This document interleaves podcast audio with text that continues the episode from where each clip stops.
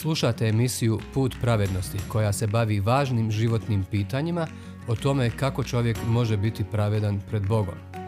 Ako imate bilo kakvih pitanja ili komentara vezano za današnju emisiju, na kraju ćete imati informacije kako nas kontaktirati.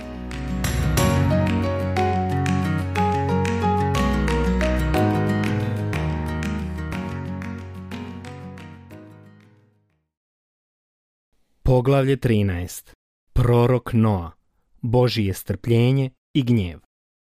Postanak 6 Do ovog trenutka u našem putovanju kroz sveto pismo vidjeli smo da kada je Bog stvorio svijet, sve je bilo dobro i savršeno. Ali kada se naš predak Adam usprotivio Bogu, zlo je ušlo u svijet kroz njega i raširilo se na sve ljude.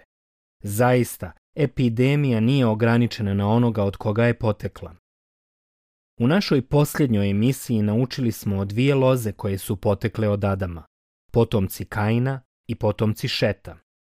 Potomci Kaina nisu vjerovali Bogu i njegovom planu. Međutim, među potomcima Šeta bilo je onih koji su se podčinili Božijem putu oproštaja, pa im je Bog oprostio grijehe.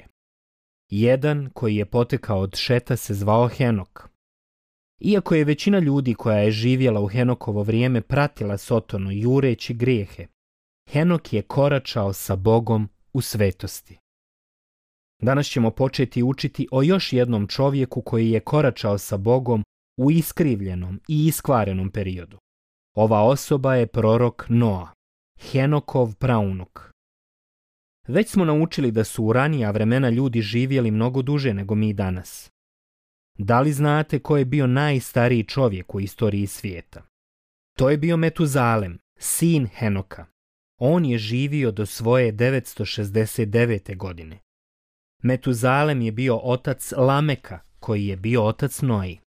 Ovaj Lamek, Noin otac, bio je drugačiji čovjek od Lameka Kainovog potomka, o kome smo učili prošlog puta. Noa je pripadao desetoj generaciji poslije Adama. Noa je već imao 500 godina kada je postao otac Šema, Hama i Jafeta. Ono što planiramo proučavati o Noji bit će nam od velike vrijednosti, zato što su Noini dani bili slični vremenima u kojima danas živimo. U Noino vrijeme svijet je bio ispunjen grijehom do samog vrha. Sveto pismo kaže Vidje Jahve kako je čovjekova pokvarenost na zemlji velika, i kako je svaka pomisa u njegovoj pameti uvijek samo zloća. Postanak šesta glava, peti stih. Srca Adamove djece su bila ispunjena zlim mislima. Pohlepom, prevarom, razvratom, zavišću, pogrdnim riječima, ohološću, svađom, borbom, preljubom, krađom, ubistvom i bezumljem. Ljudi su kvarili svijet koji je Bog stvorio za njih. Mnogi su bili vjernici tek toliko da se pokažu. Tjelesno zadovoljstvo je bilo njihov bog, a grijesi su im se neprestano gomilali. Poslušajte šta sveto pismo kaže u Tori, knjizi postanka, poglavlje 6. Onda Jahve reče, neće moj duh u čovjeku ostati do vijeka, čovjek je tjelesan, pa neka mu vijek bude stotinu dvadeset godina. Vidje Jahve kako je čovjekova pokvarenost na zemlji velika i kako je svaka pomisa u njegovoj pameti uvijek samo zloća. Jahve se pokaja i u svom srcu ražalosti što je načinio čovjeka na zemlji. Reče Jahve, ljude koje sam stvorio izbrisat ću s lica zemlje, od čovjeka do zvijeri, gmizavce i ptice u zraku, jer sam se pokajao što sam ih napravio. Postanak, šesta glava, treći stih i od petog do sedmog stiha. Tako vidimo kako je Bog namjeravao zbrisati Adamove potomke sa zemlje zbog njihove pokvarenosti. Međutim, također vidimo kako je Bog u svojoj milosti bio strpljiv sa grešnicima kako bi im dao vremena za pokajanje, kako ne bi propali. Ali kada bi ta granica bila dostignuta, Bog bi sudio svima koji se odbiju pokajati i prihvatiti njegov put pravednosti. Šta iz ovoga možemo naučiti o Božijem karakteru? To je ovo. Bog je veoma strpljiv, ali njegovo strpljenje ima granicu. Govorit će i trudit će se sa čovjekom pružajući mu svaku priliku da se pokaje, ali ne zauvijek. Zbog toga je u Noino vrijeme Bog rekao Neće moj duh u čovjeku ostati do Bog je planirao biti strpljiv sa grešnicima neko vrijeme, a onda da im sudi ako odbiju da se pokaju i obrate mu se u vjeri. U ovome vidimo dvije karakteristike Boga, njegovo strpljenje i njegov gnjev. Bog je dobar i može biti veoma strpljiv, ali je također i veoma pravedan i može postati veoma ljut. Neki Boga posmatraju kao onog koji lebdi nad njima sa velikim štapom, koji se brzo naljuti i uživa u udaranju i povrijeđivanju ljudi. Ali Bog nije takav. Drugi misle da Bog nikada nije ljut i da će prosto oprostiti i zaboraviti njihove grijehe. Bog je dobar, Bog je dobar. To je sve što oni znaju. Ali Bog nije ni takav. Sveto pismo nam otkriva istinu o Božijem karakteru. Bog je i dobar i pravedan. On može biti strpljiv i može biti ljut. U njegovoj dobroti i milosti on je strpljiv sa grešnicima, ali je ljut kada oni zgriješe protiv njegove pravednosti i svetosti. Bog je i spasitelj i sudija. Proroci su mnogo pisali o Božijem strpljenju i gnjevu. Poslušajmo neke njihove riječi. Sveto pismo kaže Jedno, ljubljeni, ne smetnite suma. Jedan je dan kod gospodina kao tisuću godina, a tisuću godina kao jedan dan. Ne gospodin ispuniti obećanje kako ga neki sporim smatraju, nego je strpljiv prema vama jer neće da tko propadne, nego hoće da svi prispiju k obraćenju. Kao tat će doći dan gospodnji u koji će nebesa trijeskom uminuti, počela se užarena raspasti, a zemlja i dijela na njoj razotkriti druga Petrova poslanica, treća glava, od osmog do desetog stiha. Sudit će gospodin svome puku. Strašno je upasti u ruke Boga živoga. Pazite da ne odbijete onoga koji vam govori. Jer Bog je naš oganj što proždire. Hebrejima poslanica, deseta glava, 30. i 31. stih. 12. glava, 25. i 29. stih. U psalmima je zapisano Meni je štit Bog koji spašava čestita srca. Bog je pravedan sudac, on povazdan prijeti. Psalam 7, 11 i 12 stih. U evanđelju je zapisano Otkriva se doista s neba gnjev božji na svaku bezbožnost i nepravednost ljudi koji istinu sputavaju nepravednošću. Znamo pak, Bog po istini sudi one koji takvo što čine. Misliš li da ćeš izbjeći sudu Božijem, ti čovječe što sudiš one koji takvo što čine, a sam to isto činiš? Ili prezireš bogatstvo dobrote, strpljivosti i velikodušnosti njegove, ne shvaćajući da te dobrota Božja k obraćenju privodi? Tvrdokornošću svojom i srcem koje neće obraćenja, zgrćeš se gnjev za dan gnjeva i objavljenja pravedna suda Boga, koji će uzvratiti svakome po dijelima. Rimljanima poslanica, prva glava, 18. stih i druga glava od drugog do šestog stiha. Gnjev Boži nije poput gnjeva čovjeka. Čovjek može da postane veoma ljut, ali njegov bijes će se malo po malo smanjivati, sve dok možda i ne zaboravi šta ga je uopšte naljutilo na početku. Božiji gnjev nije takav. Prolazak vremena ne umanjuje Božiji bijes. Bog je pravedni sudija i on ne može preći preko grijeha. Njegov bijes se ne smanjuje prema onima koji se odbijaju pokajati. Naprotiv, povećava se. Ovo smo upravo pročitali u Svetom pismu. Tvrdokornošću svojom i srcem koje neće obraćenja, zgrčeš nase, gnjev za dan gnjeva i objavljenja pravedna suda Boga, koji će uzvratiti svakom podjelima. Ljudi Noinog doba su navukli na sebe Boži gnjev, ali na zemlji je ostao jedan čovjek koji je volio Boga cijelim svojim srcem i vjerovao u Božju riječ. Taj čovjek je bio Noa. Sveto pismo kaže, ali je Noa našao milost u očima Jahvinim. Noa je bio čovjek pravedan i neporočan u svom vremenu. S Bogom je Noa hodio. Zašto je Bog iskazao Noji svoju milost? Da li je Noa zaslužio milost Božiju? Ne. Milost koja se zaslužuje više nije milost.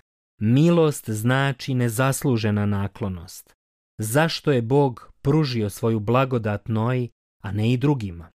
Šta sveto pismo kaže o ovome? Kaže nam da je Noa vjerovao Bogu dok mu drugi nisu vjerovali. Noa je vjerovao Božjoj riječi.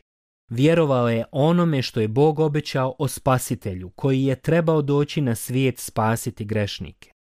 Kao i svi Adamovi potomci, Noa je bio grešnik, ali Bog je ocijenio Nou kao pravednu osobu zato što je on vjerovao Bogu i prinio mu krv žrtve za svoj grijeh, kao što je Bog zahtijevao. Zbog toga sveto pismo kaže Noa je bio čovjek pravedan i neporočan u svom vremenu. Postanak šesta glava deveti stih. Jednog dana Bog je rekao Noju. Odlučio sam da bude kraj svim bićima jer se zemlja napunila opačinom. I evo, uništit ću ih zajedno sa zemljom. Napravi sebi korablju od smolastog drveta korablju načini s prijekletima i obloži je iznutra i izvana paklinom, a pravit ćeš je ovako. Neka korablja bude 300 lakata u duljinu, 50 u širinu, a 30 lakata u visinu. Na korablji načini otvor za svjetlo. Završi ga jedan lakat od vrha. Vrata na korablji načini sa strane. Neka ima donji, srednji i gornji kat. Ja ću evo pustiti potop, vode na zemlju, da izgine svako biće pod nebom, sve u čemu ima dah života, sve na zemlji mora poginuti. A s tobom ću učiniti savez, ti ćeš ući u korablju, ti i s tobom tvoji sinovi, tvoja žena i žene tvojih sinova. A od svega što je živo, od svih bića, uvedi u korablju od svakog po dvoje, da s tobom preživi, i neka budu muško i žensko sa sobom uzmi svega za jelo, pa čuvaj da bude hrane tebi i njima. Postanak, šesta glava, od 13. do 19. stiha i 21. stih. Tako je Bog rekao Noji da je planirao dovesti potopne vode kako bi uništio sve koji su odbijali pokajati se i povjerovati u istinu. Bog je rekao Noji da napravi ogromnu barku, čamac, brod, kako bi izbjegao poplavu. Dužina barke morala je biti 150 metara, dužina jednog i po futbalskog terena. To bi bilo utočište za Nou i njegovu porodicu i mnoge životinje i bilo koga drugog koje je vjerovao Božjoj riječi. Bog je naredio Noji da napravi mnogo prostorija unutrašnjosti barke, ali samo jedna vrata na spoljašnosti barke. Tako je Božja poruka za ljude Noinog vremena glasila. Pokajte se, presuda dolazi. Svako ko želi da izbjegne presudu poplave, mora proći kroz vrata barke ili propasti. I tako je Noa počeo graditi barku. Bio je to ogroman zadatak. Noa i njegova tri sina morali su posjeći stotine i stotine velikih stabala, isjeći ih na daske, oblikovati i zakucati ih i premazati katranom iznutra i spolja. polja. Nojna supruga i žene njegovih sinova također su im pomagale u tom teškom poslu, a Noa je vjerovatno unajmio i druge da pomognu u ovom masovnom građevinskom projektu. Sto godina, iz dana u dan, Bog je Noji davao mudrost koja mu je bila potrebna za izgradnju ovog ogromnog utočišta. Ali Noa nije svoj rad ograničio na izgradnju barke. Također je propovijedao ljudima svog vremena. Možda je govorio nešto ovako. Poslušajte, Bog mi je rekao da vas upozorim njegovog gnjeva. Boži gnjev kipi zbog vašeg grijeha. Odlučio je donijeti poplavu na zemlju i uništiti sve koji odbiju da se pokaju. Ali Bog je pružio način bjekstva. Bog mi je u svojoj milosti naredio da izgradim barku koja će biti utočište. Pokajte se i vjerujte Bogu.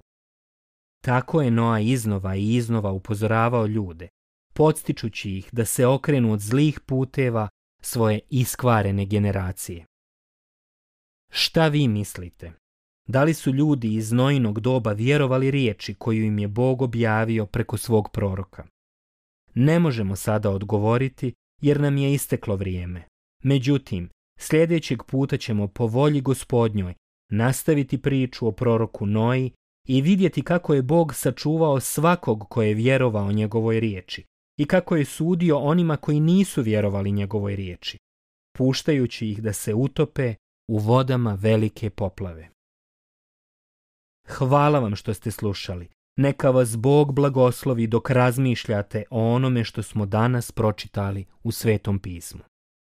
Nekasni gospodin ispuniti obećanje kako ga neki sporim smatraju, nego je strpljiv prema vama, jer neće da tko propadne nego hoće da svi prispiju k obraćenju. Kao tad će doći dan gospodnji u koji će nebesa trijeskom uminuti, počela se užarena raspasti, a zemlja i dijela na njoj razotkriti. Druga Petrova poslanica, treća glava, 9. i deseti stih.